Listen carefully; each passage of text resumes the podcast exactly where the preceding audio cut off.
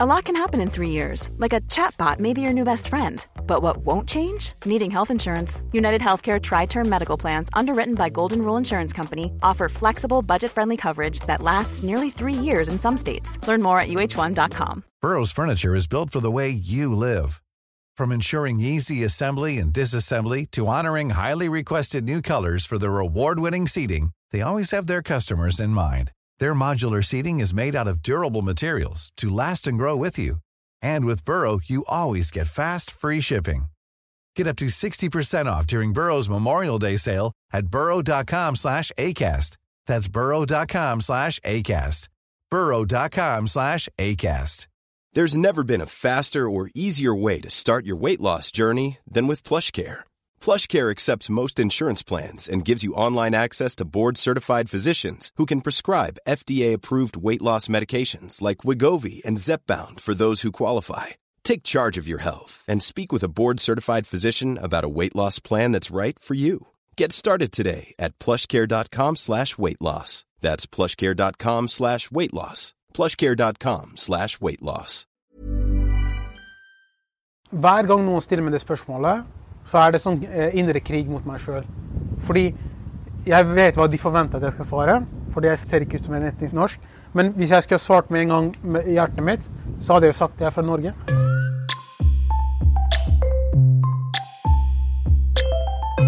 Kavan Hussaini. Vi sitter på Askim stadion. Du skal ha en A-lagstrening etterpå. Du er Instagram-stjerne, det må du kunne si. Du har eh, 90 000 følgere nå på Instagram-profilen din, og du har hatt over 250 000 følgere.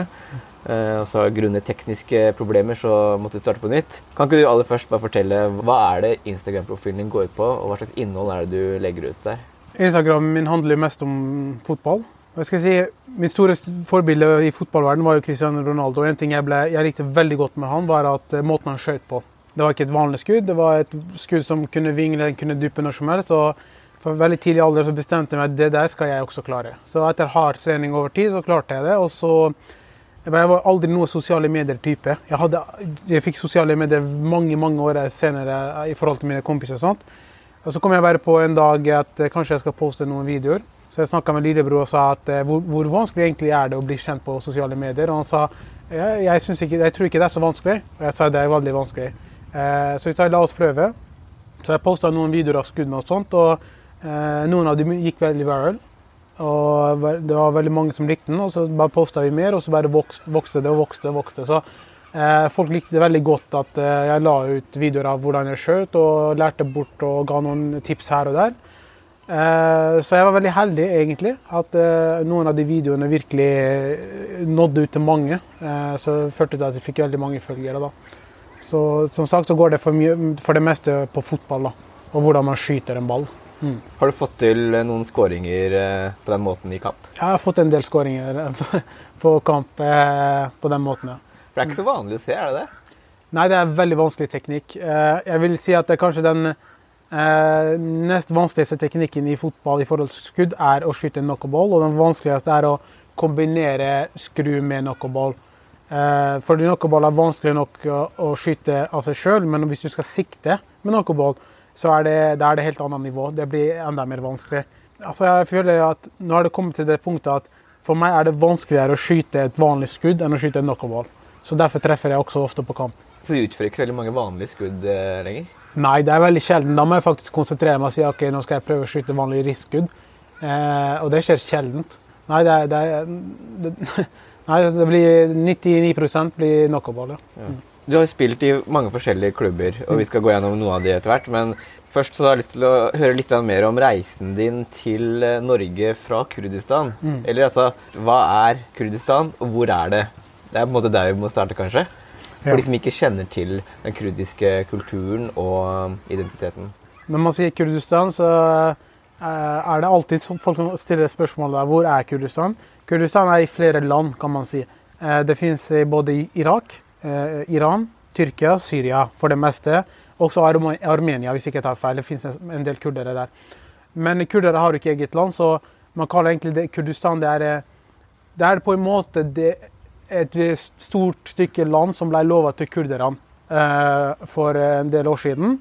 men som jeg tror det var Storbritannia og europeere og de som gikk tilbake på sitt ord etter det hadde lova kurderne eget land. Mens når jeg tenker Kurdis, eller sier Kurdistan, så tenker jeg jo Nord-Irak. Det er der jeg er fra, og der er det eh, altså nord for Nord-Irak så er det jo der det meste av kurderne bor. Og det kaller jeg sjøl for Kurdistan. Men noen kan jo si Kurdistan og mener en plass i Syria eller Tyrkia. Eller, men ofte så blir det referert til Nord-Irak, da. Og så må du ta med oss på reisen fra Nord-Irak til Norge. Fordi de som snakker med deg og hører på deg nå, hører at du har en romsdalsaktig dialekt. Litt av mild variant, eller? Eh, ja, den, jeg mista en del av det. Ja. Hvor i Norge er det du er vokst opp, og hvordan eh, var oppveksten din i Norge? Jeg kan jo si at eh, vi flytta til Norge når jeg var ca. seks og et halvt år. Og det var jo pga. Eh, situasjonen til min far. Eh, pga. militæret. Han var jo en demokrat, altså kjempa for demokrati i Iran. Eh, så det ble, livet altså ble veldig vanskelig for han, og han var alltid i fare for å bli rett og slett drept av iranske styrker. Så han måtte flykte, og Norge tok oss imot. Eh, Så vi flykta fra altså Nord-Irak, Kurdistan, eh, rett til Åndalsnes i Møre og Romsdal. Så det er der jeg har den dialekten fra. Så at seks og et halvt år så bodde jeg i Åndalsnes i ca. 14 år, hvis jeg ikke husker helt feil. Oppveksten der var helt fantastisk. Jeg tror fordi Åndalsen er ca. sju timer unna her i Oslo eller Askim. Der var folk litt mer nysgjerrig på utlendinger. Eh, det, så, det var ikke så normalt som det er for her i Askim eller Oslo. og sånn. Så folk var veldig interessert i å lære om andres kultur. og alt det. Så det var helt fantastiske folk der. Jeg kan, jeg, kan helt ærlig si at jeg har ikke opplevd noe negativt i alle årene jeg har bodd i Åndalsnes. Helt nydelige mennesker. Tatt oss imot på en fantastisk måte. Hjulpet oss når vi trengte hjelp. Lært oss språket. tatt oss, altså alt. Altså, vi har så mye å takke de folka fra Åndalsnes. Eh, og jeg anbefaler alle sammen å sjekke ut det. Jeg vet også det blir veldig populært pga. Kompani Lauritzen-serien på TV 2. Men det er helt nydelige mennesker der. Jeg, jeg er superlykkelig for at vi eh, flyt, flytta dit, eh, og ikke kanskje rett til Oslo, som de fleste gjør. Så der bodde vi en stund, og så gikk jeg fire år på Molde videregående, der toppidrett med fotball. Eh, før vi bestemte oss for å flytte til nærmere Oslo, fordi alle skulle begynne på høyskolen, meg og mine søsken. Så da flytta hele familien til Askim for å komme litt nærmere hovedstaden. Hvor lenge har dere bodd i Askim nå? Jeg tror det er seks år for meg personlig, fordi jeg og storesøster flytta et år tidligere enn eh, resten av familien. Så jeg, altså jeg er så dårlig på dato og sånt, eh, så jeg, jeg tror det er seks år jeg har bodd i Askim nå. Hva visste dere om Askim før dere flytta hit? Absolutt ingenting. Jeg har aldri hørt om Askim. Så når jeg drev og lette etter hus i nærme Oslo, så kom det opp en by som sto eh, Jeg tror det uttales Askim først. så Det var et hus som dukka opp der, som jeg likte veldig godt, og familien likte veldig godt. Så vi merka oss en del hus i både Spydeberg og Askim, og så kjørte vi eh, hele veien til, fra Åndalsnes til Askim for å sjekke dem ut. Og så var vi heldige og vant det eller vant budrunden på det, akkurat det huset vi hadde valgt på slutt. Så da flytta vi rett hit. Hva vil du si er den største forskjellen mellom Åndalsnes og Askim? Eh, Kebabsjapper. Eh, kanskje en av de største. Fordi jeg bodde der i 14 år. Jeg tror jeg spiste ute to-tre ganger i løpet av de 14 åra. Uh, og, og når jeg kom hit, så var det jo kebabsjapper rundt alle hjørner. Uh, så jeg spiste mer kebab det første måneden jeg flytta hit, enn det jeg hadde ja, gjort på 14-15 år. Både i Molde og Åndalsnes og Molde. Så det var overraskende. Og i tillegg var det det var mange utlendinger her. Det var litt uvant for meg òg, for å være helt ærlig med deg. hvordan opplevde du det? Jeg syns det var veldig rart, fordi eh, jeg er jo en praktiserende muslim og, er- og er veldig glad for å være muslim. Eh, men dette viser også hvilken effekt media har med tanke på det å, å eh, altså måten de representerer muslimer på. Jeg visste jo sjøl at muslimer er ikke det media sier, eller islam er ikke det media sier. Men pga. at jeg hadde aldri sett eksempel en mann med langt skjegg de 14 åra jeg hadde bodd der. Så når jeg husker jeg kjørte gjennom Oslo, og så så jeg flere av de eh, altså utenlandske menn med lange skjegg, så ble jeg redd med en gang.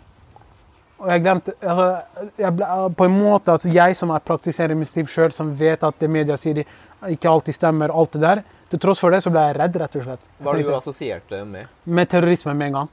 Med en gang så assosierte jeg med terrorisme, og det eh, og en farlig menneske, ikke en bra menneske. ikke sant? Og jeg tenker bare Hvis jeg som praktiserende muslim eh, blir såpass, ble såpass redd, jeg er jo ikke nå lenger, eh, hva med folk som aldri har vært borti islam, eller utlendinger eller muslimer? eller Det er jo ikke rart at de da kanskje utvikler et hat mot eh, muslimer og islam forhold, hvis, de, hvis deres informasjon kommer fra media. Så det var en av de største overraskelsene for, for meg. da. Hva vil du si er den mest sånn utbredte misoppfatningen nordmenn kan ha om uh, din religion? Det er en del, men uh, f.eks. at vi undertrykker kvinner. Uh, med tanke på at islam var jo en av de første, hvis ikke det første, hva skal jeg si, religion og egentlig alt som ga kvinner rett, rettigheter. Rettigheter på, li, på lik linje med menn for 1400 år siden. Og Norge er en av de landene som ga stemmerett til kvinner først i hele verden.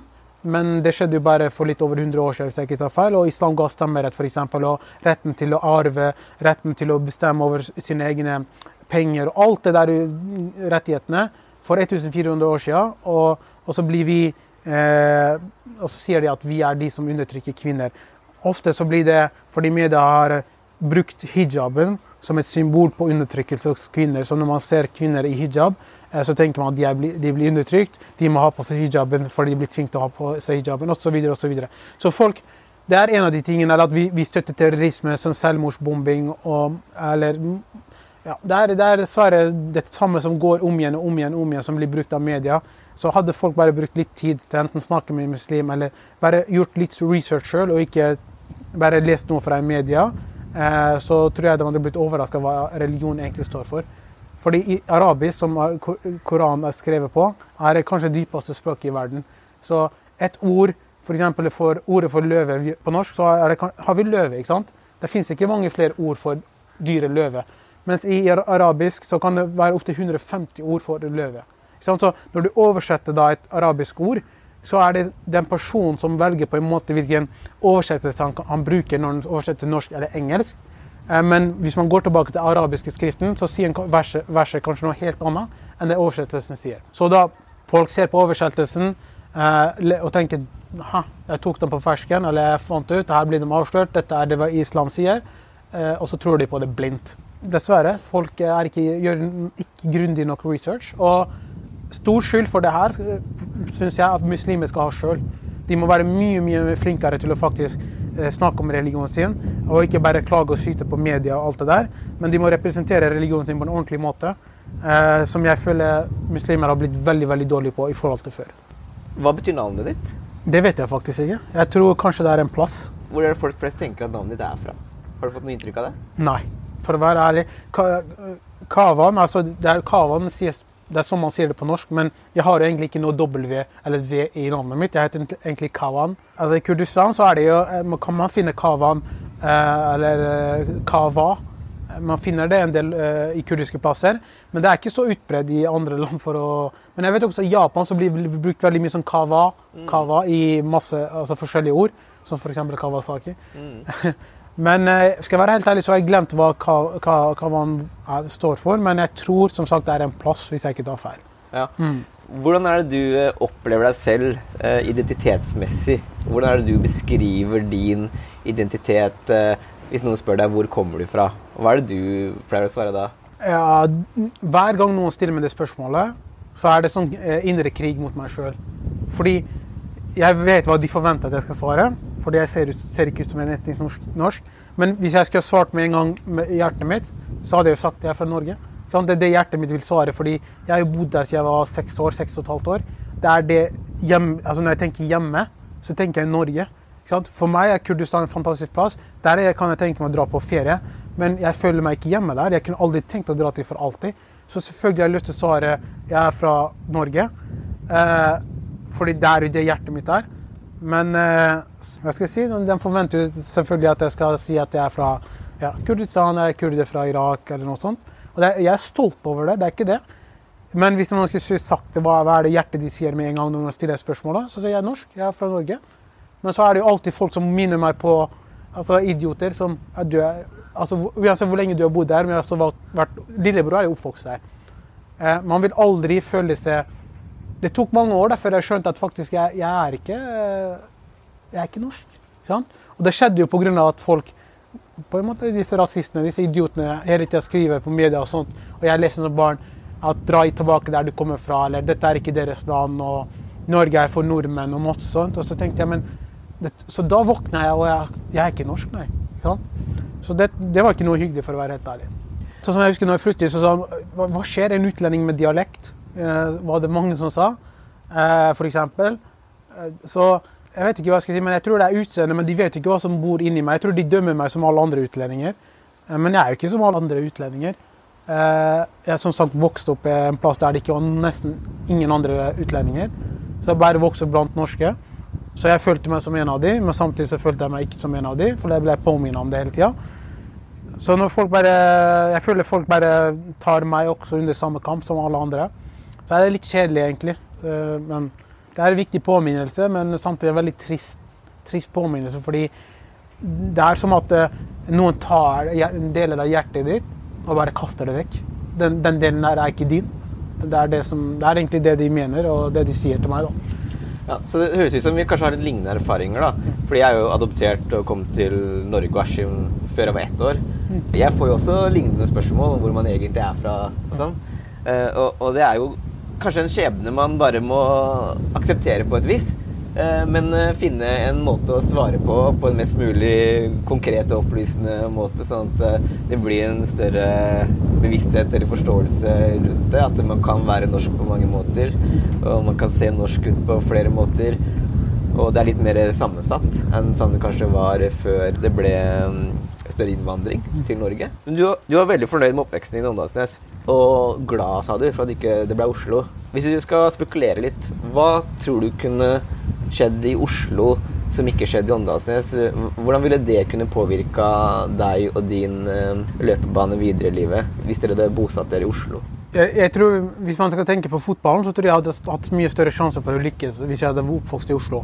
For det har vært større muligheter. Men i, når man flytter som barn eh, fra et annet land eh, til, eh, og, og, kommer til noe helt nytt, nytt kultur, nytt språk, ny religion eh, og alt det der, så er det Barnet vet ikke hvem den, den personen altså De vet ikke hvem, hvem de er. Det, to, det, har tatt mange år. Jeg vet ikke om jeg er der enda, for å være ærlig. Eh, og når et barn er blitt forvirra såpass mye, så klarer han ikke å finne seg til ro. Eh, så eh, det førte til at jeg var en, eh, en, aggressiv person. Eller aggressivt barn, kan jeg si. Så jeg kunne fort havne i krangel med andre. Jeg kunne fort Så jeg, man kan si at jeg var en ikke en pøbel i forhold til at jeg mobba aldri folk. Jeg var på den måten veldig godhjerta og sto alltid opp for dem som slet. Eh, men jeg brant veldig for det å ikke tape. Og sånne ting da, som førte til at jeg kunne bli veldig lei meg og aggressiv og alt det der. Så jeg tror hvis jeg hadde vokst opp i Oslo, så hadde det vært flere muligheter til å praktisere på den aggressiviteten. Mens i Åndalsnes så ble altså, miljøet rundt meg holdt i sjakk lenge nok til at jeg klarte å kontrollere det sjøl. Eh, når jeg ble eldre. da.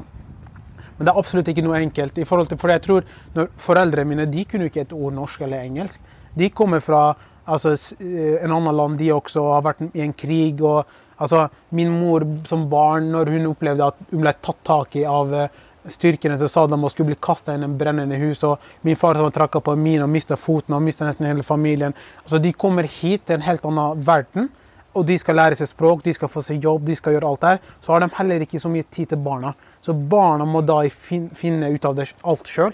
Eh, som er ekstra vanskelig, fordi du skulle ønske du hadde den støttespilleren eh, som jeg så hele tiden andre barn hadde. da. Med en gang de slet, med en gang de var på en måte syke eller hadde det vanskelig, så kunne de snakke med foreldrene sine. De kunne snakke med dem, Men jeg hadde aldri noen. Jeg hadde absolutt ikke noen. Mamma og pappa de hadde ikke tida til det der. Og jeg skylder det ikke på dem i det hele tatt. De er fantastiske foreldre. Eh, men de hadde også sine egne bekymringer og problemer. Så det førte til at jeg måtte hele finne ut av ting, ting ut av sjøl, og det var ikke alltid da jeg kom på den riktige måten på første forsøk. Sånn sett sånn innvendig eh, for meg så var det utrolig vanskelig. Eh, til den dag i dag, egentlig. Men det har blitt bedre, da.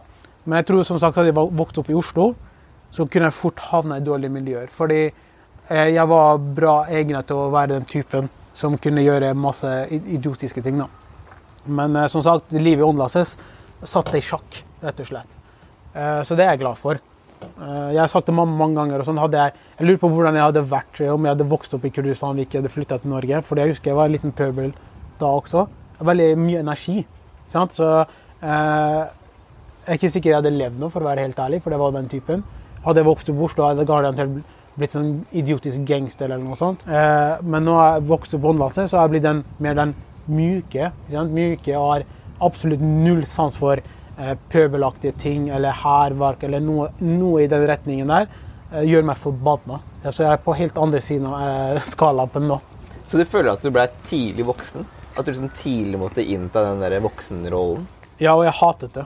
Jeg hatet det, jeg hater det til den dag i dag. fordi Og dette var også veldig mye avhengig av utseendet mitt. fordi jeg ble eh, Når jeg først kom i puberteten, så, så ble jeg fort mye eldre enn de andre. Jeg så veldig mye eldre ut enn de andre.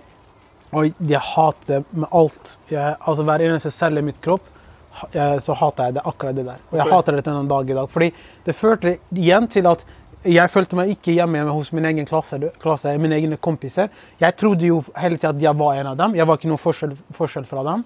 Og så ser jeg voksne de snakker til barna og sier altså på en bar, barneaktig måte. Mens når de snakker til meg, så snakker jeg på en voksen måte. Og, og derfor følte jeg meg alltid jeg vil også at du skal snakke til meg som barn. Jeg vil at du skal bry deg om meg sånn som du bryr deg om de barna. Fordi dere bryr dere om de fordi de er barn. Eh, og snak, altså, trøster dem, støtter dem, alt det der. For dere vet de er barn, de trenger ekstra alt det der. Mens når det var, de snudde mot meg, jeg fikk aldri den der. For jeg vet ikke om enten for, fordi de, jeg så mer voksen ut, så de tenkte jeg klarer meg sjøl. Eller hva det var. Men til en dag i dag så savner jeg det. ikke sant? Eh, så jeg syns ikke det var det var, det, er, det var, virkelig ikke noe gøy, altså, for å være helt ærlig. Det, det, den dag i dag jeg tror det, det, påvirker meg, for å være helt ærlig, at jeg ser eldre ut enn det, hvor gammel jeg egentlig er. Så jeg hater det med alt eh, jeg har. altså Jeg hater det overalt. Hvor gammel syns du at du ser ut nå, da? Jeg, jeg, har ikke peiling, men min teori var at siden jeg er så gammel ut tidlig, så tenkte jeg at jeg kommer til en tid hvor jeg stagnerer, og de andre tar meg igjen. Men jeg er jo 28 år nå, og jeg tipper folk sier at jeg er i hvert fall over 30. Eh, eh, jeg husker når vi skulle få statsborgerskap i 2006. så Da var, vi, da var jeg sikkert 12-13 år, da, sikkert noe i den retningen der.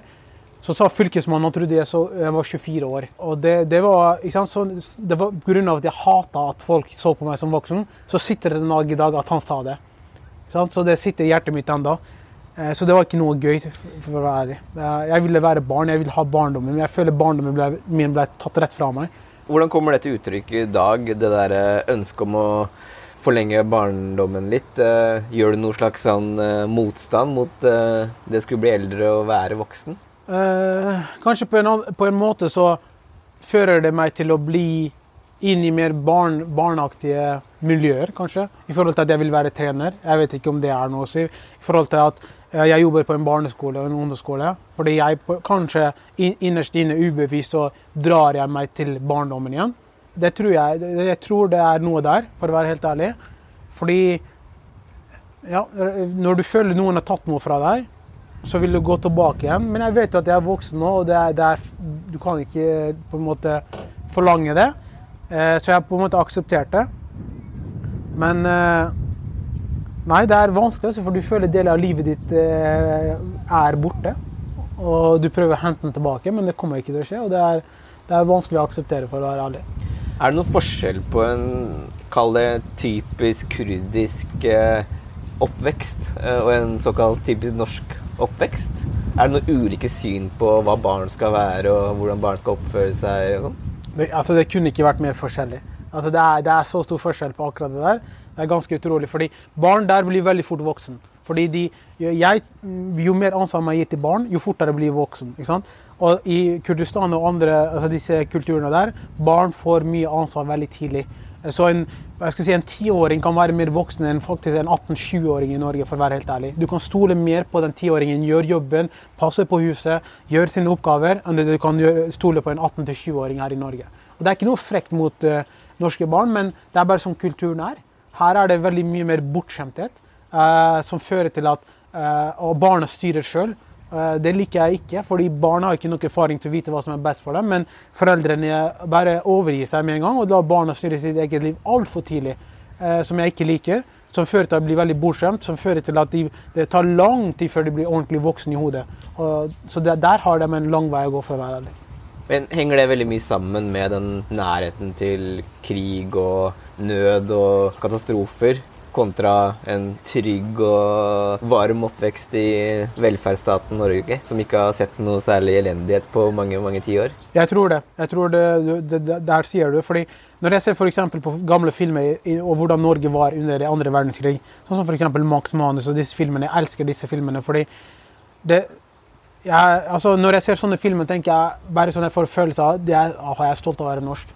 Og men så kommer jeg på at du er ikke norsk. Sant? Den jeg tilbake til. Men at ungdommer på den tida gjorde så mye opprør, eh, og det var ungdommer, så tenker jeg Jeg begynte å le fordi jeg sa til lillebror og sånt Hvis det hadde utbrutt krig nå Altså, Vi kunne ikke stolt på at en 30-åring hadde vært så modig som disse ungdommene var på den tida. Og det henger jo sammen med som du sier, folk har det for godt. Rett og slett for godt, De kan gjøre hva som helst. Kan, eh? Og der borte er det mer at du blir nødt til å bli voksen veldig fort. Fordi du må ta ansvar for deg sjøl. Det er, det er ikke så ille nå, men det var jo før var det, er livsfare. Du må ta ansvar for deg sjøl. Du, har ikke- valg, du har ikke mange år å kaste bort. Bli voksen nå med en gang. Så når miljøet tvinger deg til å vokse opp fort, så vokser du opp fort. Si litt mer om eh, det som kjennetegner kurdisk eh, kultur, skikker, tradisjon, klesdrakter, mat. disse tingene som mange nordmenn egentlig ikke har noe som helst innsikt i, ikke noe tilgang eh, til. Den kurdiske kulturen er veldig veldig gammel. Eh, eh, jeg har hørt til og med at de kurdere er nevnt i Bibelen. altså Da er den, er flere tusen år gammel. Den må jeg sjekke ut, men jeg har hørt det. Eh, Og jeg vet at den er minst like gammel som persiske kulturen og kanskje romerske kulturen. alt. Det er en veldig veldig gammel kultur. Så de er, de er veldig forskjellige. Sånn, kurdere er nærmere persere enn arabere. Så kurdere er veldig forskjellige fra arabere. Eh, eh, vi har egen, egen, egen, egen språk med mange mange forskjellige dialekter. Og dialektene er ikke som eh, her i Norge, hvor alle forstår hverandre. Altså, hvis du snakker viss dialekt til meg på kurdisk, så forstår jeg ikke ett ord. De har egen klesstil og drakt, eller hva man kaller det. De har egen musikk. Har, alt er eget kurdisk. Altså, så Kurdisk musikk, fortell. Hva er det for noe? Uff, det er, det er en stor blanding. Men de er veldig kurdere. Hvis jeg skal si hva som kjennetegner typisk kurder, det er at de er veldig modige folk. For de er blitt nødt til å bli modige. For å bli angrepet fra alle hjørner. Så de er veldig veldig modige folk. De er veldig flinke til å spille instrumenter og musikk. Eh, De er veldig flinke til å danse. Og så er de veldig, jeg vil si, stilfull. Det er disse tingene som kjennetegner kurdere, men modighet kanskje på øverst, øverste biten. da. Eh, Men musikken er eh, Det kan være alt fra nyere, sånn som vi har nå. Men eh, der har man også noe som kan sammenlignes med joik, som i sameverden. Men det er ikke joik fordi det kalles for håret. Håret er mer Du bruker kunststemmer, det er ikke noen instrumenter. Men joik, som jeg har forstått det, har ikke mening. Altså det, det, det, det beskriver ikke noe. Mens håret er veldig dyp. Altså det beskriver ting altså Det er utrolig dyp. Så det er den typiske kurdiske hva skal jeg si, musikken. Men, men altså kurdisk, eh, kurdiske språket vil jeg si er mye mer dypere enn f.eks. norsk og engelsk. Så når de da synger, så er det tekstene mye mer dyp. Så det, det, det er, vil jeg si er hovedforskjellen da, mellom kanskje norsk og engelsk og kurdisk musikk. Men det er vanskelig å si at hva er kurdisk musikk. Det er veldig mye forskjellig. Må kanskje sjekke det ut på Spotify. Ja, du kan finne Jeg vet at veldig mange i Europa eh, og Amerika er veldig glad i kurdisk musikk, men spesielt de musikkene som er mer sånn eh, dansemusikk. Fordi som sagt, Kurdere er veldig flinke til å danse, så de har veldig mye forskjellig musikk for den dansingen deres. da. Så eh, jeg, jeg har sett på YouTube og sånt under kommentarfeltet og sånt at de, det er utrolig mange fra Europa og Amerika som ser på de videoene der. Så de er veldig glad i kurdisk musikk. det vet jeg. Når du møter andre kurdere, hva tenker du da? Har dere noen slags eh, relasjon til hverandre, tenker du? Eller er det som om du skulle møtt noen andre nordmenn? Uh, begge deler. Uh, jeg personlig så er sånn Hva skal jeg si Nei, det er, det er vanskelig å si. Men uh, jeg ser ikke på Hvis jeg ser en kurder, så betyr det, betyr det ikke at jeg, jeg personlig er sånn, da, men jeg vil ikke si at familien min er sånn. Jeg kommer ikke til å behandle dem noe annerledes enn jeg, hvordan jeg ville behandla en hvis jeg møtte nordmenn. Fordi eh, jeg er på ingen måte den personen som dømmer, dømmer dem ut ifra hvem de er. Eh, altså hva, hvilken religion, kultur eller hva de har. Men eh, jeg dømmer dem ut fra hvilken person de er. da. Så for meg så betyr det ikke, egentlig ikke så mye. Selvfølgelig kurdere er mye mer respekt, respektfulle i forhold i må, i måten de snakker på når de møter hverandre. Her er det mer sånn hei, hei, hallo. Eh, det er veldig enkelt og enkelt. Mens Kjapt og det- effektivt. Kjapt og effektivt, så det er bra. Mens i kurdiske språket er det utrolig mye mer respekt i måten man snakker. Det er, om, hele språket er omringet av respekt. Sant? Eh, så hvis jeg møter en kurder, så er det mye mer på den måten jeg snakker med dem. med. Men jeg kan ikke gjøre det med en nordmann, fordi det er, ikke, det er ikke det de er vant til. Det er ikke det at jeg ikke vil vise dem respekt, men eh, det blir rart for dem. hvis Ja, jeg skal gjøre da det vil på du den tenke at det er for pågående og Ja. for intimt. Ikke sant? Det kan være. ikke sant? Ja. For eksempel i kurdiske språket så kan man si Man har for eksempel flere måter å si hei på. Sant? Så jeg kan bare si uh, salam. Salam betyr hei, eller det betyr fred, egentlig. da. Eller så skal jeg si salam aleikum. ikke sant? Fred være med deg. og så mer. Også hvis du sier det på den måten, noen sier det på den måten til deg, så kan du si aleikum salam. ikke sant? Så du, du hele tida sender tilbake, men enda mer respektfull. Så eh, Språket er veldig, om, som sagt, veldig omringa av det der med respekt når du snakker til hverandre. da. For å ta et personlig eksempel. da. Hvis jeg møter eller ser andre som er eh, adopterte også fra et annet land, eh, vokst opp i Norge og sånn, så vil jeg jo umiddelbart tenke at vi har en del felles erfaringer og litt sånn felles tanker om det å være norsk, men se unorsk ut osv. Men så er det også det at det litt sånn som det du sier, at jeg vet jo ikke helt hvordan de opplever sin posisjon, og om det er noe man ønsker å snakke om sånn med en gang. Eh, fordi det er jo sånn at eh, identiteten rommer jo mye, så det er alltid sånn valg om hva du skal løfte fram, og hva du skal holde litt tilbake. Og det er jo ikke sånn at alle som er adopterte, ønsker å starte en samtale med å snakke om sin adopsjonserfaring. Kanskje, at, eh, kanskje det er sånn at noen egentlig ikke har lyst til å fremheve det i det hele tatt, men bare omtale seg selv og forstå seg selv som bare norsk. Er det også sånn blant kurder i Norge, tror du? Jeg er helt enig med deg. Det, det det der, der har du egentlig svaret. fordi eh, noen er der. Noen vil ikke ha noe med sin egen kultur å gjøre, for de er oppvokst i Norge. Og de føler, føler ikke noe med deres egen kultur som de er fra, er dem. Så de vil ikke ha noe med det å gjøre. Og det irriterer dem at eh, folk eh, eh, sammen, altså setter dem på den siden. Eh, mens andre eh, har det der med at eh, vil, kommer aldri til å finne seg til rette her. og føler seg ikke norsk i det hele tatt. Eh, og det, en av de eksemplene kan være pappa. Pappaen min. Ikke sant? Så En ting er å flytte hit når du er barn, ikke sant? men en annen ting er å flytte hit når du er nesten 50 år. Uh, alt du er, er ikke norsk. Alt du er, er kurdisk og Kurdistan. Selvfølgelig vil du tilbake dit. Det er ikke det at man ikke liker Norge. Det har ikke noe med det å gjøre. Så han det at du, du, som, du, du som bor i Norge her nå, om du er så være 15 år, måtte flytte til et helt annet land, helt annen kultur. Da du ville tilbake til Norge så fort som mulig. Så det, pappa er med i den der, og jeg er med i den balansert. Jeg er veldig glad for at jeg er fra Kurdistan og har den kulturen, jeg er stolt over det. Og samtidig som det er å bo i Norge og være norsk. Eh, Så jeg elsker begge deler. Jeg har ingen, ikke noe problem med noen av dem. Du klarer å stå i den spagaten Yes. med ett bein i hver kultur. Det er helt riktig. Jeg er eh, på en måte blitt tvunget til å gjøre det. Og jeg vil ikke finne meg fordi det er meg. Eh, Jeg elsker veldig mye med Norge og norsk kultur, og jeg elsker mye med kurdisk, kurder og kurdisk kultur. Eh, Og det er deler, andre, visse ting som jeg ikke liker med noen av dem. Eh, og visse ting jeg skulle ønske kurdere dro fra norsk kultur, og norsk kultur dro fra kurdisk kultur. Så derfor har det tvingt meg til å være i midten og være stolt av begge to. og vil ha begge to. Hva er din erfaring med kurdere i Norge når det gjelder integrering? Er kurdere spesielt integrerte i det norske samfunnslivet, tenker du? Dette kan jo det nødvendigvis ikke stemme, fordi som sagt, jeg har ikke så mye erfaring med utlendinger i Norge med tanke på at jeg har bodd store livet i en plass det ikke var så mange utlendinger, men jeg føler jo eh, at kurdere for det meste er flinkere enn andre utenlandske grupper.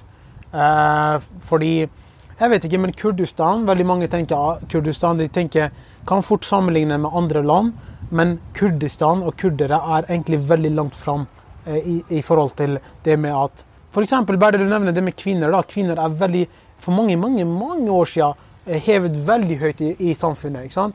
Eh, Så vi er på en måte, vi har mer felles med vestlige land enn det jeg vil si andre utenlandske grupper har. da, eh, Som enda kanskje er tilbake i tid i forhold til sånne ting. da. Så jeg, jeg føler kurdere har en litt enklere tid til å integrere seg enn andre utenlandske. Men det igjen da, helt avhengig av hvilken type person du har. da. Det er jo noen som ikke vil integrere seg. Eh, og så spørs det igjen om du flytter som barn eller ikke. da. Voksne har selvfølgelig vanskeligheter for å lære seg nye språk og ville gjøre det. og alt det der. Hvilken rolle er det fotballen spilte i din integrering i Norge og i Åndalsnes? Hvilken betydning hadde fotballen for deg da du vokste opp og etter hvert eh, ble ungdom i Norge? Vet du, hadde det ikke vært for fotballen, så hadde jeg sikkert ikke vært integrert ennå. Det kan jeg ærlig, ærlig si. selv om jeg var barn da jeg kom hit. Fordi eh, alle trenger en arena til å, å bruke for å integrere seg. Så språk er jo nummer én. Altså, min greie er at sånn, Hvis du flytter til Norge og skal bo her, lær deg språkmelding neste gang. Absolutt ingen unnskyldning i verden er bra nok for at du ikke skal lære deg språket. Så veldig mange utlendinger først og fremst her må skjerpe seg. Eh, bare ta skjerp dere og lær språket. Det, det, det går ikke lenger. Men for meg hadde det ikke vært for fotball. fordi jeg husker En av de første ordene jeg lærte på norsk, var eh, hit. Altså gi meg ballen. Jeg spurte noen hva, hva, hvordan sier man 'gi meg ballen', så var det hit. Så med en gang så førte det til at eh, Fordi jeg var jo god i fotball. Så det førte til at jeg fikk respekt, at jeg ble likt, at jeg fikk venner. Eh, og det tvang meg til å, å, å bruke språket mer, lære mer. Eh, så det var fotballen som førte til at jeg fant meg til rette. da. Og det lille det at jeg følte meg hjemme, var pga. fotball. Hadde det ikke vært fotball, så visste jeg fortsatt ikke altså, hvem jeg er. Hvordan, hvordan skal jeg skaffe meg venner? Jeg vil ikke ha venner fordi noen av andre voksne tvinger til å være med meg fordi jeg ikke kan språket alt det her. Men jeg vil ha venner fordi de vil være mine venner, og fotball førte til akkurat det der. Så jeg, altså, fotball har betydd alt for meg. Hvor tidlig er det du opplevde selv at du var god da? i fotball? Hvor gammel var du da? Jeg elska fotball så mye og satsa mer enn de andre. Så når jeg begynte å kunne drible hele laget når jeg ville skåre mål, eh, så begynte jeg å føle at jeg er bedre enn de. Når jeg ble tatt ut til akademiet i Molde, og ingen andre ble tatt ut, så ble det sånn bekreftelse meg ok, okay du, du, er kanskje bedre enn de andre på laget ditt. Ja, Det var egentlig da, når jeg ble, ble tatt ut til sånne spesielle ting, grupper som ikke de andre ble tatt, så skjønte jeg at jeg, jeg, kan, jeg kan faktisk uh, uten, altså klare noe med den fotballen her. Men uh, presset ødela for for meg, da, for det var altfor mye press. Jeg Fortell om uh, det akademioppholdet i Molde. da. Hvor mm. gammel var du da, og hva var på en måte målet med akademitilværelsen?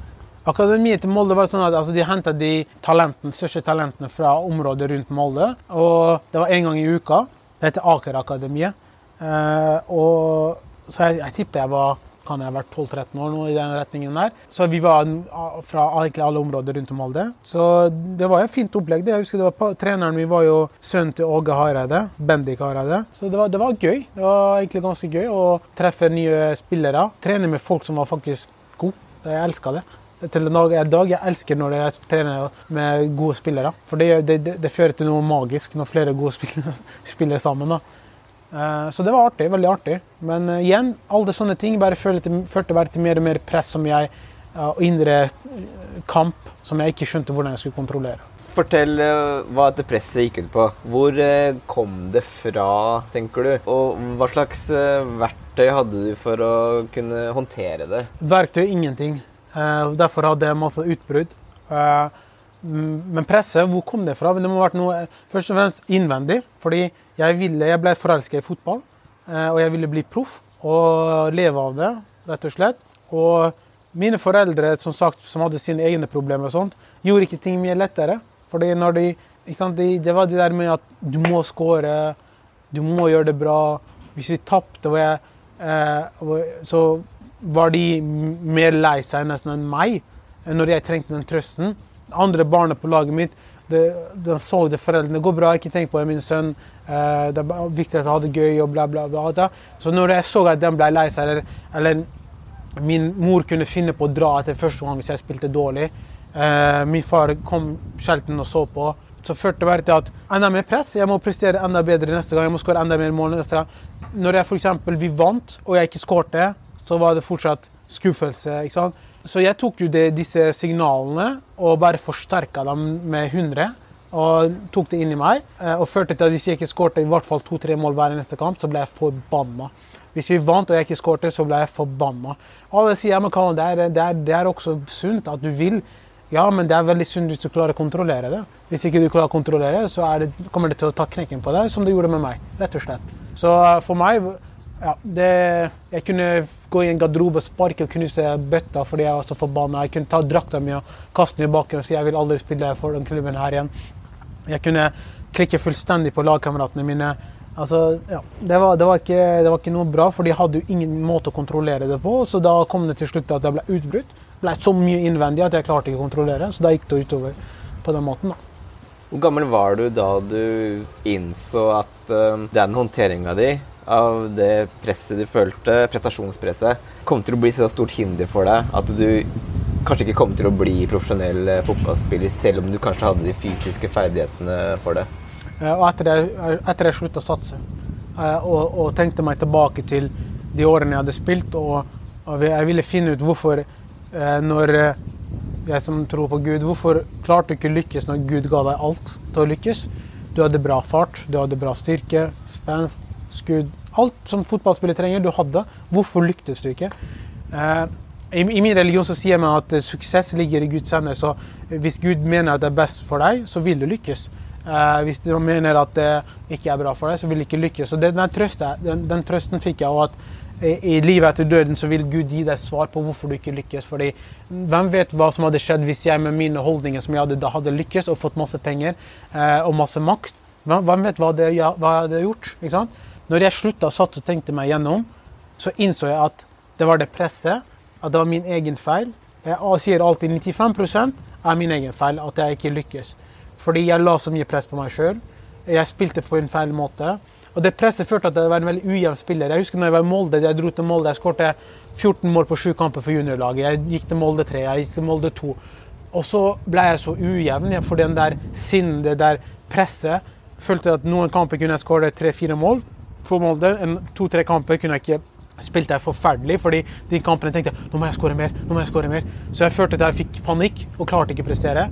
Og så sa de til meg at du er, du på ditt beste er du så god, og så er du dårlig to-tre kamper, og så er du god igjen. Så du er så ujevn, og en klubb kan ikke satse på en spille som er ujevn. Eh, og så da ble, måtte jeg finne meg en ny klubb, f.eks. Og dette skjedde i alle klubber. Pga. presset. Noen ganger veldig god, andre kamper elendig. Press, press, press. Så jeg tenkte, satt der tenkte meg gjennom hva, hva, hvorfor, hvorfor gjorde Hvorfor klarte jeg ikke det? 95 min egen feil. Måten jeg håndterte tap på, måten jeg håndterte seier på. Til og med når jeg gjorde det bra, jeg klarte ikke å skryte av meg sjøl engang. Det var liksom ikke bra nok å skåre tre mål. Og den ene sjansen du bomma selv om du skåret fem mål òg. Den ene sjansen du bomma, det, altså, tok knekken på meg i flere uker. Selv om jeg hadde skåret fem mål. Det der over tid er jo ikke, selvfølgelig ikke sunt. Så ja, det førte til at jeg spilte fotball med veldig høye skuldre. Og spilte aldri fotball fordi jeg syntes det var gøy. Jeg måtte spille fotball fordi jeg skulle gjøre det dritbra. rett og slett. Du har snakka om at fotballen var det som gjorde at du blei skikkelig integrert, og alt gikk liksom på skinner liksom inn i det norske livet som uh, kurdisk nordmann, eller norsk kurder. Men har du også opplevd det som Mesut Özil har snakka om, at uh, da han spilte godt på landslaget i Tyskland, så var han tysk. Da han spilte dårlig, var han tyrker. På mine TikTok-videoer for eksempel, nå har jeg begynt å prate litt mer i forhold til å fortelle litt sånne ting jeg har opplevd. og sånt. Og Jeg sier alltid eh, 95% som sagt er min egen, 90-95% er min egen feil. Hvorfor jeg ikke lykkes. Og så lurer folk på hva er de siste prosentene. Det er jo nettopp det her. i forhold til ja, Jeg har opplevd forskjellsbehandling. Jeg har opplevd at eh, folk har kjempa hardere for etnisk norsk enn for meg. Eh, jeg har opplevd at jeg har blitt holdt igjen fordi eh, hvis ikke de andre skal få samme muligheten, skal ikke Kavan få den muligheten. Jeg har opplevd sjalusi fordi jeg ble tatt ut til visse grupper som ikke de andre ble tatt. Eh, jeg har opplevd å bli tatt ut av midt av en kamp når jeg har kommet speidere for å se på meg. Jeg husker jeg spilte, ja, jeg spilte i fjerdedivisjon for Åndalsen, så jeg tror jeg skåret ti kamper på rad. Ti kamper, Det var en veldig bra sesong av meg. Og så fikk jeg jeg spilte ved en lokaloppgjør, så ble jeg tatt ut av etter første gang. Jeg starta alle kampene. Jeg skjønte ikke hvorfor jeg ble tatt ut etter første omgang. Så dro jeg hjem. Jeg tror den kampen enten uavgjort eller vi tapte. Så får jeg telefon fra oppmannen vår og sier Kavan, du vet at Ålesund hadde sendt speider for å se på deg. Og Da var det Ålesund i Tippeligaen. Og da var jeg kanskje 15-16 år. Ikke hvis jeg var det engang. Uh, så jeg, er du sikker på at den kom for å se på meg, og ikke andre? Så jeg, ja, kom for å se på deg. Uh, så jeg, hvorfor i alle dager tok dere meg ut av kampen da? Så han, ja, men det vet jeg ikke, det må du snakke med hovedtrener om. Men jeg snakka aldri med han om. Men det jeg hørte, var at han tok meg ut fordi han ikke ville at jeg skulle bli dra. Og rett og slett fordi han skulle rykke opp med laget. Så om det stemmer eller ikke, det vet jeg ikke. Og hele den greia med, med Skeid, det skjedde Skeid er den verste klubben du har spilt for, ja. har du sagt. Hvorfor det? Jeg har laga noen videoer på det også, men det er rett og slett fordi de maste veldig mye om at jeg skulle komme. Når jeg kom dit, jeg ble lova bra kontrakt. De gikk tilbake på sitt ord når jeg satt der på bordet og skulle skrive under kontrakt. Jeg sa greit, det går bra, jeg trenger ikke den kontrakten vi ble enige om. Eh, så dumt som jeg var, så skrev jeg under. Så fikk jeg vite mange år senere fordi jeg fikk ikke, jeg fikk ikke mulighet til å prøve meg engang på A-laget for å vise meg fram. Jeg skjønte ikke hvorfor. Hvorfor maste de så mye om at jeg skulle komme dit? Og nå er jeg bare satt ut i kulden. De vil sende meg til utlån og masse tull. Eh, så etter et halvt år slutta jeg å være forferdelig tid. Og så fikk jeg vite et år senere av en kompis som også spilte i Skeid på den tida sammen med meg, og sa at eh, styret hadde bestemt at alle som hadde proffkontrakt, skulle få spille hele tiden. Og de som ikke hadde proffkontrakt, skulle ikke, altså, skulle ikke treneren bry seg egentlig om. Sånn at de som hadde proffkontrakt, skulle spille og gjøre det bra og bli solgt videre. Så klubben kunne tjene penger på det. da. Så pga. det så fikk jeg aldri en ordentlig mulighet. Jeg sier ikke at jeg hadde blitt førstespissen til Skeid, absolutt ikke. Jeg tror det hadde blitt krallvanskelig uansett. Men måten jeg ble behandla på, måten det var der, måten ja, jeg ble, jeg ble rett og slett Det er det verste. Jeg vil ikke, altså bare tenke på den perioden gjør meg trist og forbanna. Uh, da pendla du fra Askim, ikke sant? Ja, i en god periode pendla jeg. Det er 45 minutter én vei, og så fikk jeg leilighet der, så jeg bodde der. Jeg investerte mye for å gjøre det bra i Skeid, og fikk det der tilbake. Altså urettferdig rett og slett behandling. Uh, men det var nok ikke pga. noe sånn i forhold til at jeg, jeg var utlending eller noe sånt. Det var det ikke, ikke noe den retninga. Men jeg skal være helt ærlig, altså jeg har opplevd veldig lite som jeg vet om i forhold til pga. at jeg er en utlending. Bortsett fra at eh, jeg tror det jeg har ikke noe med utlending å gjøre, egentlig, men er du bedre enn andre, så fører det automatisk til mer sjalusi. Rett og slett. Sjalusi og flere som håper at du ikke lykkes. Så det, det har jeg opplevd. Det har jeg opplevd en del. Hvordan er det disse erfaringene dine som uh, fotballspiller og innflytter, både til uh, Åndalsnes og Askim, har forma deg som person, men også som en ledertype og lærer for unge spillere, unge elever som forsøker å utvikle seg? Altså, jeg er veldig glad både i å være lærer og være trener, fordi jeg føler alle mine erfaringer har ført til at nå er jeg Alt det jeg slet med nå, så er, nå er jeg på andre siden av skalaen. Rett og slett fordi mine erfaringer har ført til at jeg har kommet F.eks. nå har jeg klart å kontrollere press når jeg vil. Jeg har klart å komme meg over tap og vinn når jeg vil. Fordi jeg vet hvordan den mentale biten fungerer nå. Og det har ført til at jeg har hatt både suksess som lærer i forhold til mine tilbakemeldinger, og som trener i forhold til resultatet av tilbakemeldingen. Fordi på en måte jeg føler jeg knekt koden på hvordan den mentale biten fungerer. Det er fra mine egne erfaringer, som alt jeg har opplevd. Og det, det tar jeg med alt jeg gjør. Eh, rett og slett om det er trener eller, trener eller lærer. Fordi jeg vet at å ja, med en gang jeg ser en barn lei seg, eller noe sånt, og jeg husker tilbake med en gang Dette var du, Kavan. Når ingen kom for å trøste deg og sette seg ved siden av deg, bare høre hvordan du har det, så du vet du hvor forferdelig det var. Jeg går og setter meg med det barnet med en gang. Jeg, jeg gir dem mulighet til å snakke. Jeg sitter ikke der bare sier ja, mm, mm. Eh, men jeg hører faktisk på hva barnet sier, og vet, med en gang så kommer det min egen erfaring tilbake. Og så tenker jeg hva var det jeg ønska på den tiden? Det var det jeg ønska. Og så snakker jeg sånn til barnet, og du ser hvilken positiv påvirkning det har. da. Så uten tvil så har det Kanskje det var alt den erfaringen er verdt det, når jeg på en måte har kommet til det punktet at jeg kan hjelpe andre barn. Og Steinerskolen er jo helt fantastisk, fordi først og fremst det er en måten jeg har blitt tatt imot på, Steinerskolen, fra første dag til nå. Det er, det er, det er sånn som åndelandsgreia. Det er helt nydelige mennesker der. Spesielt daglig lederen, Lise, eh, som hun heter. Eh, helt fantastisk, rett og slett. De, de har gitt meg eh, friheten til å være meg sjøl.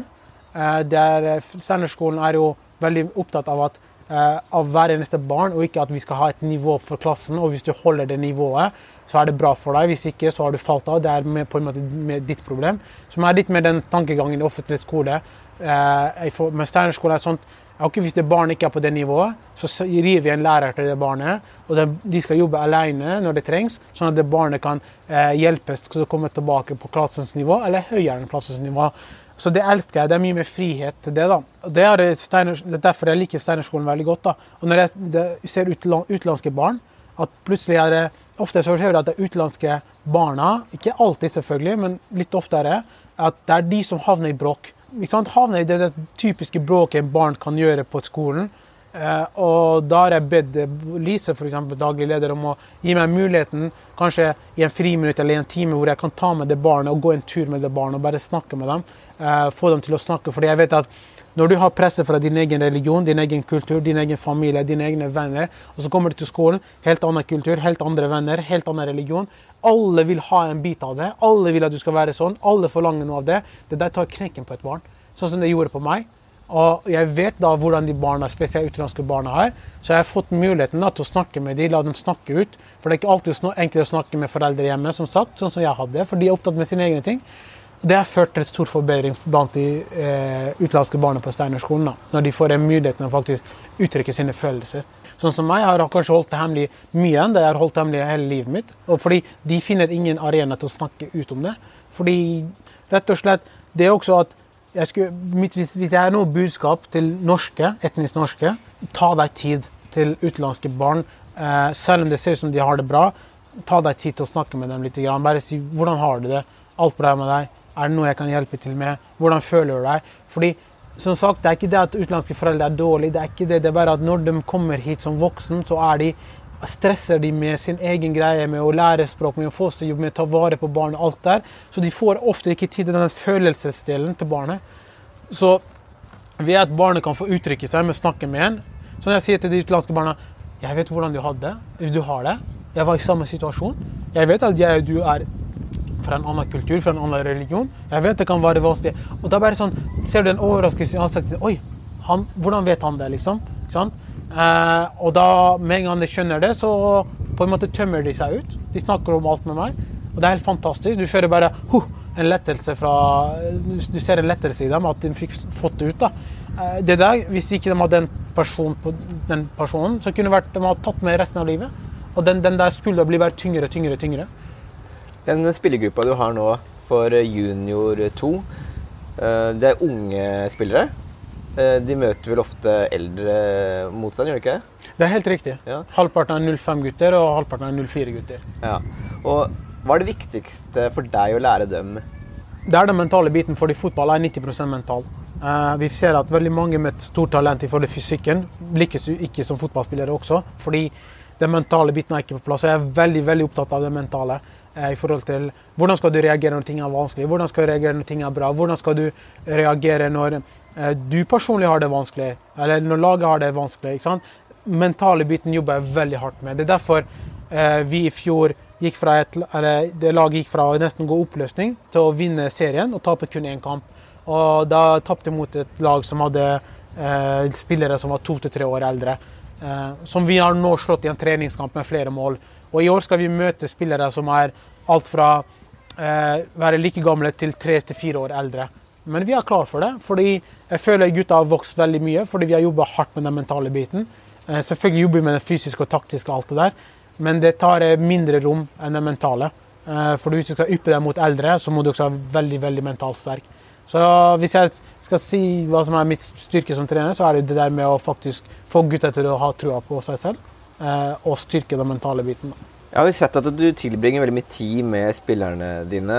Og de følger deg rundt gjerne på Løkka, og de ser jo litt opp til deg, gjør de ikke det? Du har jo blitt en slags sånn mentor og et forbilde for mange unge i Askim, har jeg fått inntrykk av.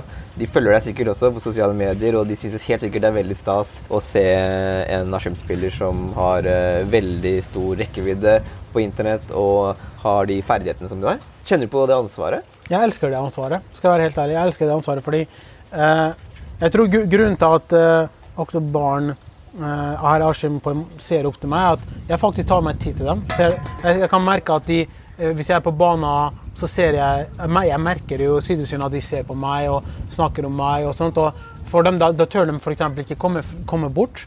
Uh, men jeg tar meg alltid tid til dem. Går, da går jeg bort, jeg snakker med dem, jeg hjelper dem, jeg gir dem tips. Og det, det, tror jeg fører til De kan på en måte se enda mer opp til deg da, og, og tenke OK, han er den typen.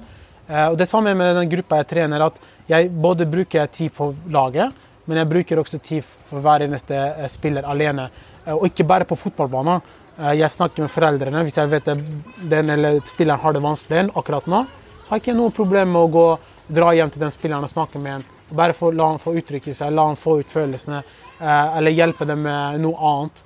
Så, fordi alt det der er så viktig hvis du skal bygge et godt fotballag at den mentale biten, ikke bare på banen, men utenfor banen, må være på plass. Så derfor, Det kan det er konsekvensen av kanskje at de ser opp til meg, bortsett fra sosiale medier, at jeg kan spille fotball sjøl. Men at faktisk jeg bryr meg. Så det, jeg tror de setter pris på det. Da. Hvordan opplever du det? Hvordan er den følelsen eh, når du ser at uh, unge, kommende, kanskje kjempegode fotballspillere og med et livslangt forhold til fotball lar seg smitte av den entusiasmen og interessen du har for fotball? Nei, det, hva skal man si da, men eh, jeg tenker også, veldig ofte når jeg driver og trener de gutta og, og, og, ser at de havner i samme situasjon som meg i forhold til tankegang, i forhold til visse situasjoner, og sånt, og så tenker jeg folk vil kanskje tolke det som at jeg skryter av meg selv, men jeg, jeg sier til meg dæven, de er heldige som har en person som kan hjelpe dem nå med en gang. Som jeg mangler, som jeg skulle ønske jeg hadde. Fordi jeg kan nå bare holde kjeft eh, og ikke bry meg om sånne detaljer og ting som jeg vet hvilken påvirkning det har. Eh, enten veldig positiv påvirkning for resten av livet, eller en veldig negativ påvirkning. Kan du gi et eksempel på en sånn detalj? F.eks. når en spiller ikke, ikke lykke, eh, får det til på banen. La oss si en spiss som jeg alltid spilt spiss sjøl, ikke klarer å skåre nok mål på en trening eller en kamp. Eh, hadde det vært meg, så hadde treneren ikke brydd seg. Foreldre hadde lagt enda mer press på meg. Kompisen hadde i hvert fall ikke brydd seg. Eh, mens jeg kan, vet akkurat hva som foregår i hodet til spilleren, og jeg klarer å snu den helt om. Helt om til å faktisk komme tilbake neste trening med 110% trua og gleden tilbake med en gang. Og den gleden for meg kom ikke tilbake før jeg slutta å satse. Mens hans sin kommer tilbake om to dager eller en dag. Eh, så det er mange mange sånne eksempler da man kan bruke, men eh, av og til skulle jeg ønske at jeg kunne gitt alle mine spillere to liv. Så jeg kunne spolt fram, vist dem at dette hadde vært dette, Så langt hadde du klart det med fotballen, dette har vært livet ditt. Eh, hvis ikke jeg hadde liksom grepet inn disse visse situasjoner og der og da, og også over tid, og dette hadde vært livet ditt når jeg griper inn. da. Eh, fordi jeg skulle ønske de hadde erfaringen som jeg hadde, og hvor, mye, hvor viktig disse tingene er. da. Eh, så det er vanskelig for, å forklare, men eh, ja, jeg er glad for at jeg i hvert fall har fått den muligheten da, til å hjelpe andre. Jeg vil at du skal si litt om uh, trenerfilosofien din, eller spillerfilosofien din når det gjelder det å skulle bygge opp dette laget. Hva er det du øver på på treningene? Det har vært fra gammelt av veldig vanlig med mange øvelser på treninger. Mens nyere forskning viser at man helst bør trene mest mulig likt sånn som kamper er. Altså ha spilling mm. mest mulig i treningene. Er det liksom noe du skulle ønske at det var blitt mer eh, lagt vekt på i din egen eh, karriere og spillutvikling fra tidlig av, av trenerne dine?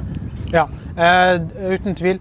Eh, hvis det er to ting jeg, kan, jeg vil si at Norge er dårlig på i forhold til fotball, så er det dårlige trenere og dårlige dommere. Der har de veldig lang vei å gå. Eh, jeg personlig som trenerfilosofien min er øvelser er oppskrytt.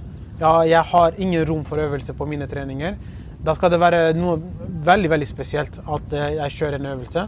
Eh, jeg hater øvelser. Jeg har alltid hata øvelser. Jeg ser ikke poenget med det. Eh, de sier at er, ja, du skal lære visse aspekter som mangler på spillet, og så skal du dra det inn i spillet. Ja, Men det skjer ikke. Jeg kan garantere til med profesjonelle spillere i Premier League, etter de er ferdig med øvelsen, så bryr de seg ikke. Det, det de har lært i øvelsen, kommer ikke inn i spillet. Så jeg kjører aldri øvelser. Det er oppvarming, god oppvarming, så er det spill konstant. Og hvis jeg trenger å rette på noe, så gjør jeg det i spillet. Ellers så spiller vi og spiller og spiller. Fordi jeg vil at det skal være mest mulig kamplik. Eh, og hvis jeg hadde muligheten til å kjøre treningskamp hver neste trening, så hadde jeg kjørt treningskamp hver neste trening. Det er i hvert fall måten jeg tenker på. Og så føler jeg uten tvil at fotball har blitt gjort altfor komplisert. Fotball er ikke så vanskelig. Folk må slappe av med all den taktikken og alt det der, eh, altså analysene av kamper. altså Slapp av, det er ikke så komplisert. Og jeg kan garantere halvparten av det disse fotballekspertene snakker om etter en kamp, har ikke treneren engang tenkt på sjøl. Det er bare de som finner på der og da. Fotball er ikke komplisert. Så det har gått for langt, rett og slett. Jeg drar den tilbake til enkelhet. Enkelhet, men effektiv. Sant? Få på plass det enkle og gjøre det mest mulig effektivt. Kan klare å sentre en pasning, så gjør det enda mer effektiv neste gang. Enda mer effektiv. Pasninga skal ikke bli Altså, du skal ikke slå en rarere eller vanskeligere pasning. Du skal bare gjøre det enda mer effektivt. Og effektiv, effektiv hele tiden. Og gjøre det enklest mulig, fordi eh, det er da barna lærer fortest også. Sant? Kjøre 100 øvelser for hvordan man slår en pasning. Altså, det er, det er, det er så bortkasta tid. Det er så bortkasta. Jeg skjønner ikke. Jeg blir forbanna rett og slett når jeg ser andre lag kjøre øvelse. Altså, Du er litt av den gamle skolen også, da, som kan stå og rope 'gjør det enkelt', 'spill enkelt'. Du ser noen av spillerne dine gjør litt for mye fiksfakseri på treninger eller i kamp? Nei, jeg skal være helt ærlig. Jeg elsker det når folk gjør det. Ja. Fordi når jeg var liten, eh, min største kvalitet var absolutt ikke skudd. Eh, det var teknikk og driblinger. Jeg kunne drible en hel lag uten noen problemer. Men jeg ble kalt ego hele tiden. Konstant din ego, ego, ego. Slutt å drible, slutt å drible. slutt. Over tid så følte jeg at jeg ikke turte å drible lenger. Så driblinga mi døde nesten helt ut. Fordi jeg konstant fikk den kjeftinga. Så den erfaringa førte til at jeg sier aldri til noen at de ikke skal drible, men jeg setter dem i posisjoner til å drible. Og når de dribler, jeg skryter ekstra mer av dem. Når jeg ser det er én mot én på trening og sånt, hver eneste gang jeg ser det er én mot én, så roper jeg én mot én. Gutta vet at det betyr drible. Nå har du muligheten til å drible, du kan drible hvis du vil. Og mister du ballen, så sier jeg aldri å, slutt å drible. De vil aldri høre fra meg. De har aldri hørt at de skal slutte å drible. Men jeg har sagt til dem vit når du skal drible, så skal du få drible så mye du vil. Fordi dribling er veldig effektiv. Å dra ved en mann kan skape overtall. Så jeg er veldig stor fan av dribling, men gjør det til riktig tidspunkt og riktig plass, så er det ingen problem med det. Eh, Og det føler jeg gruppa har blitt veldig flink til. da. Så jeg kommer aldri til å sette en demper for eh, en persons kvalitet. Fordi hvis en person liker å drible, det er den gleden hans er. Det å drible. Ikke tenk på at jeg må få han til å slutte å drible, men tenk på hvordan kan jeg forsterke den egenskapen han har. Jo, lærer han kanskje noen tips her og der, og skryte av den gode egenskapen han har. Hadde, altså, man kan si til meg som min kvalitet er noe skudd, istedenfor å si 'slutt å skyte Gavan', slutt å skyte Gavan. Så kan man skryte heller av skuddene og si neste gang du er i den situasjonen her, jeg elsker skuddene dine, kanskje du kan gjøre det, og så kan du skyte ned Sånn? Skryt av deres gode kvaliteter, og så kan du justere den litt og litt og litt til det blir mer og mer effektiv. Eh, så jeg føler det er altfor mange igjen, dårlige trenere, fordi de har ikke den mentale biten. Eh, og har rett og slett ikke nok erfaring til å skjønne hvordan man skal håndtere slike ting. Du jobber da med barn både på Steinerskolen og disse fotballspillerne på juniorlaget. Og sjøl så har du da mange titalls følgere på sosiale medier. TikTok, Instagram og YouTube og, og Facebook. Er det noe mer? Nei, ikke noe mer. Her er de. Eh, Da lurer jeg på, er du bekymra for dagens unge eh, og dagens ungdoms bruk av sosiale medier? Og om det er til hinder for å være fysisk aktive? Ja, det er uten tvil. I forhold til at eh, vi bruker altfor mye tid. Rett og slett, vi bruker alt for mye tid. Eh, Men det er den ene tingen. Man kan balansere det ved å gå på idrett. Eh, Så hvis man, alt er, hvis man klarer å balansere, så er det ikke noe farlig. eh, sånn sett. Men jeg føler igjen at her kommer foreldrene inn. Ikke vær så lett på dem. Når de sier 'jeg vil game med mamma', eh, ikke bare OK, gå game. Altså, Sett strenge regler til forhold når de kan game, hvor mye de kan bruke. Og resten må de ut. Ut fysisk aktivitet som barn er kjempebra. Jo aktiv du er som barn, jo bedre vil du ha resten av livet. rett og slett. Det er den ene tingen. Men det jeg er mest bekymra for, er at de fleste vet ikke hvordan sosiale medier egentlig fungerer. De vet ikke den dark side, den eh, svarte siden, onde siden av rett og slett eh, eh, sosiale medier. Så jeg skulle ønske jeg hadde fått mer mulighet til å kanskje bli invitert til skoler eller andre plasser til å faktisk snakke om sosiale medier. Av hvilken effekt det har, og hva de må passe seg for. Ja, for, gi, gi oss kortversjonen. Hva er, det dark side av sosiale medier? Det er veldig mange sider av sosiale medier. Det er veldig mye folk ikke vet. Men en av de tingene for eksempel, jeg kan si at eh, fitness, de som har fitness-sider, altså i forhold til eh, mm, trening, muskler eh, og ja, alt det der. Kropp, rett og slett kropp. Det er veldig mye press på kropp.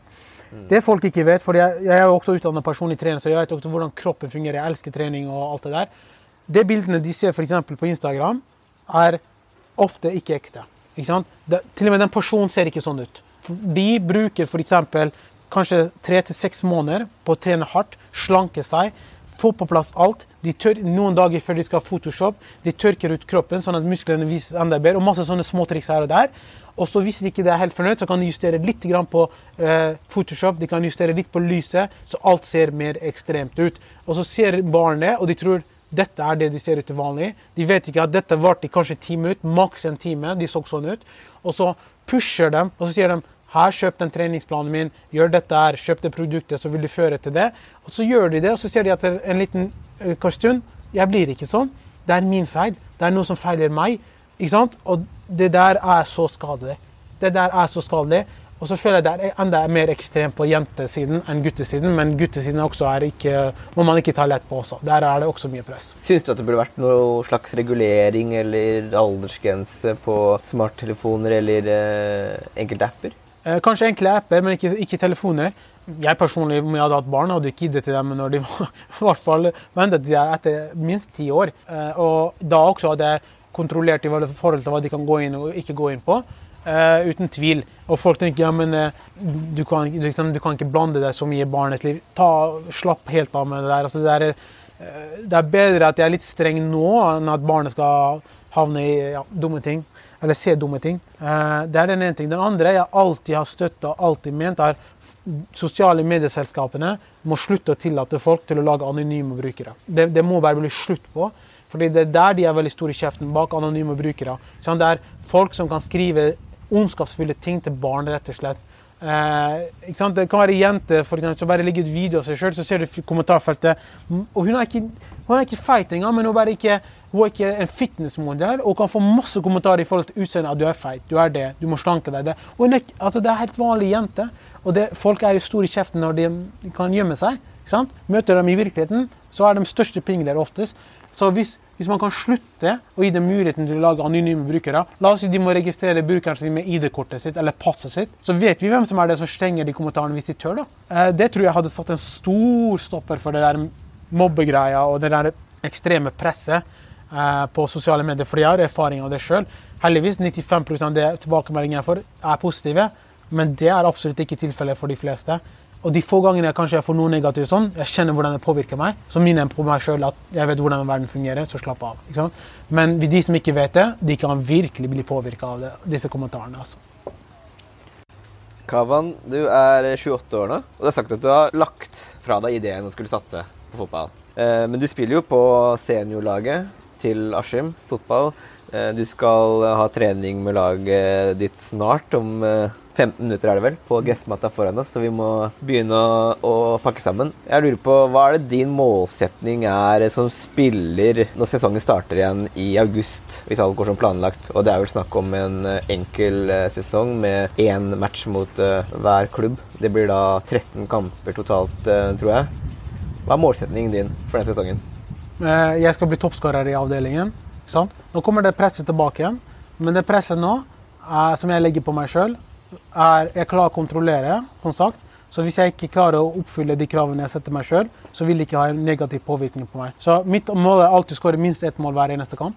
Mitt mål er spiss. Jeg må gjøre jobben min. Jeg skal skåre mål hver eneste kamp. Jeg skal bli toppskårer på laget. Jeg skal bli toppskårer i avdelingen. Eh, jeg skal hjelpe Askim til å komme opp i fjerde divisjon. Og langsiktig mål er at jeg skal hjelpe Askim til å komme opp i tredje divisjon. Og der syns jeg Askim skal ligge byen, eh, anlegget Askim alt har. Det er ikke en klubb i femtedivisjon, det er en klubb i tredjedivisjon. Så det er målet mitt med Askim langsiktig. Kortsiktig denne sesongen her. Vi skal vinne denne sesongen. Vi skal rykke opp. Ikke noe annet er bra nok, for de er veldig sterk tropp. Selvfølgelig skjer det. Helt fantastisk. Skjer det ikke, skjer det ikke. Men der ligger ambisjonen min. Ikke noe sånn topp tre-tull som alle klubber er over ambisjonen er topp tre eller topp fem. Hva er det du snakker om? Du det der sender signal om at du allerede har gitt opp du allerede aksepterer at du ikke kommer til å rykke opp. Sant? det gjør meg forbanna. Alle lag må si vi skal rykke opp. Uansett om det er realistisk eller ikke. Vi går for å rykke opp. Sant? Sett ambisjonene høyt. Ikke sett en altså stopper allerede for, eh, for Hvis jeg sier til guttene mine på junior jeg sier målet vårt i år er å ikke tape alle kampene. På, en annen måte sier jeg ok, så vi, dere må forvente at vi taper veldig mange kamper. Så hvis de går inn med den tanken, følelsen, så vil de også spille i forhold til den ambisjonen. Men ja, min ambisjon for dem som sagt, er at vi skal vinne serien. Og ingenting annet er god nok. Sant? Og så pusher vi, gjør vi det som trengs for å komme dit. da. Eh, så Det er i hvert fall ambisjonen min med Askim. Om eh, klubben eller treneren deler samme ambisjon eh, som meg eller ikke, det er ikke så viktig for meg, for å være ærlig, fordi jeg har mine egne ambisjoner. For hva jeg kan forvente av meg sjøl, rett og slett. Fordi jeg vet jo hvor mye jeg kan, hva jeg kan bidra med. Så jeg kan ikke drive og sette lavere ambisjoner enn det jeg vet jeg kan faktisk klare. da.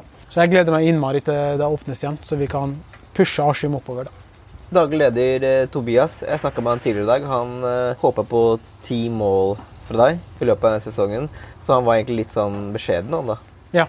Uh, men han er mer realistisk i forhold til Hvis jeg unngår skader, og ting går som det går, fordi i forhold til vi er som sagt veldig sterk tropp, klarer vi å kombinere og leve opp til forventninger i forhold til spillerne vi har, så, og jeg holder meg skadefri. Så det, igjen så er det der med overdrivelse. ikke sant? For det kan hende jeg skårer bare fem mål.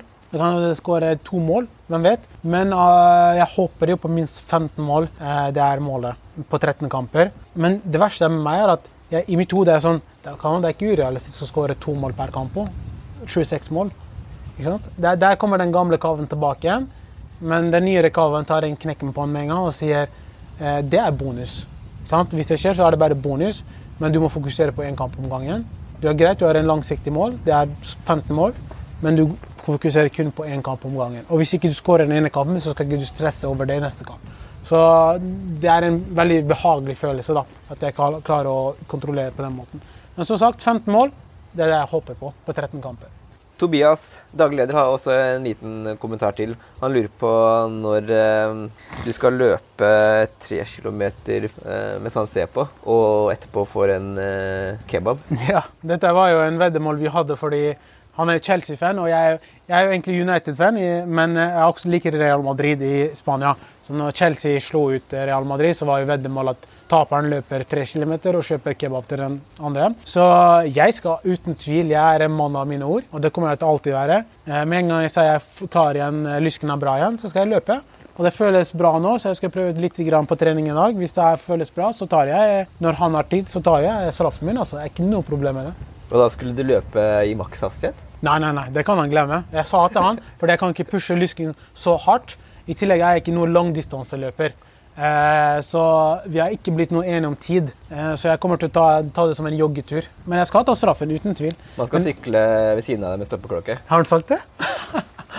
ja, ja, da får han, eh, da får han sykle rolig, for jeg kommer ikke til å pushe meg for å sette en ny rekord. Kavan, du eh, hadde jo dine første barneår i Nord-Irak. Og så fikk du en bedre oppvekst enn du kunne drømme om, sa du, i Åndalsnes. Og så bor du nå, og familien din i Askim. Hva er et godt sted å bo for deg? For meg så er det viktig at eh, f.eks. så mye som jeg elsker Åndalsnes, så kunne jeg aldri tenkt meg å dra tilbake og bo der. Hvorfor det? Jeg elsker naturen der, men jeg hater at det er så mye vind der. Så pga. kun den vinden at det er litt for lite folk, så kunne jeg ikke tenkt meg å bo der resten av livet. Sånn? Oslo, jeg kunne aldri tenkt meg Hver gang jeg er i Oslo, jeg vil kjøre ut av Oslo så fort som mulig. Fordi det blir for stort. Jeg liker det ikke. Jeg føler det er ukontrollert, jeg føler det er kaos. Så jeg vil ut av det med en gang. Mens Askim føler jeg har den balansen. Det er ikke for liten, det er ikke for stor. Det er en god blanding av typer folk, eh, så du møter eh, noe nytt ofte. Ja, Du har den fine, sunne blandingen av at eh, du har det samme, men du har også nye ting hele tiden hvis du ønsker det. da. Så for meg personlig så er det jeg elsker den balansen mellom ha noe stabilt, men også det kommer noe nytt hele tiden. nå. Jeg kunne tenkt meg å bo i Askim i veldig veldig, veldig mange år til. Jeg har ingen intensjon om å flytte herifra. Jeg vet at Foreldrene mine for eksempel, sier ja, kanskje vi skal selge huset og kjøpe en annen plass. eller altså, jeg sier, Dere kan gjøre akkurat det dere vil. Uh, dette huset er mitt. Uh, hvis dere vil bo her så lenge dere vil, er hjertelig velkommen. For det er sånn i utenlandske kulturer at her i Norge er det vel sånn når du er 18, og sånn, så flytter du ut, eller foreldrene skal bo for deg sjøl. Det er ikke sånn utenlandske kultur. Ofte så bor man med foreldrene veldig lenge. Men jeg, som sagt, jeg har, ingen, jeg har veldig fine naboer. Jeg er veldig fornøyd med huset. alt det der. Jeg har ingen intensjon om å kjøpe meg nytt hus eller flytte til en annen by eller noe som helst. Jeg trives meget godt der. Veldig fine folk i Askim. Du det selvfølgelig en blanding av alt mulig. Så er det bare opp til deg da, hvilken, hvem du velger å henge med og ikke. Kavan Hussaini, tusen takk for praten. Bare hyggelig. Nå må du komme på trening. Få varme opp den lysken. Ja, den lysken der er irriterende. altså.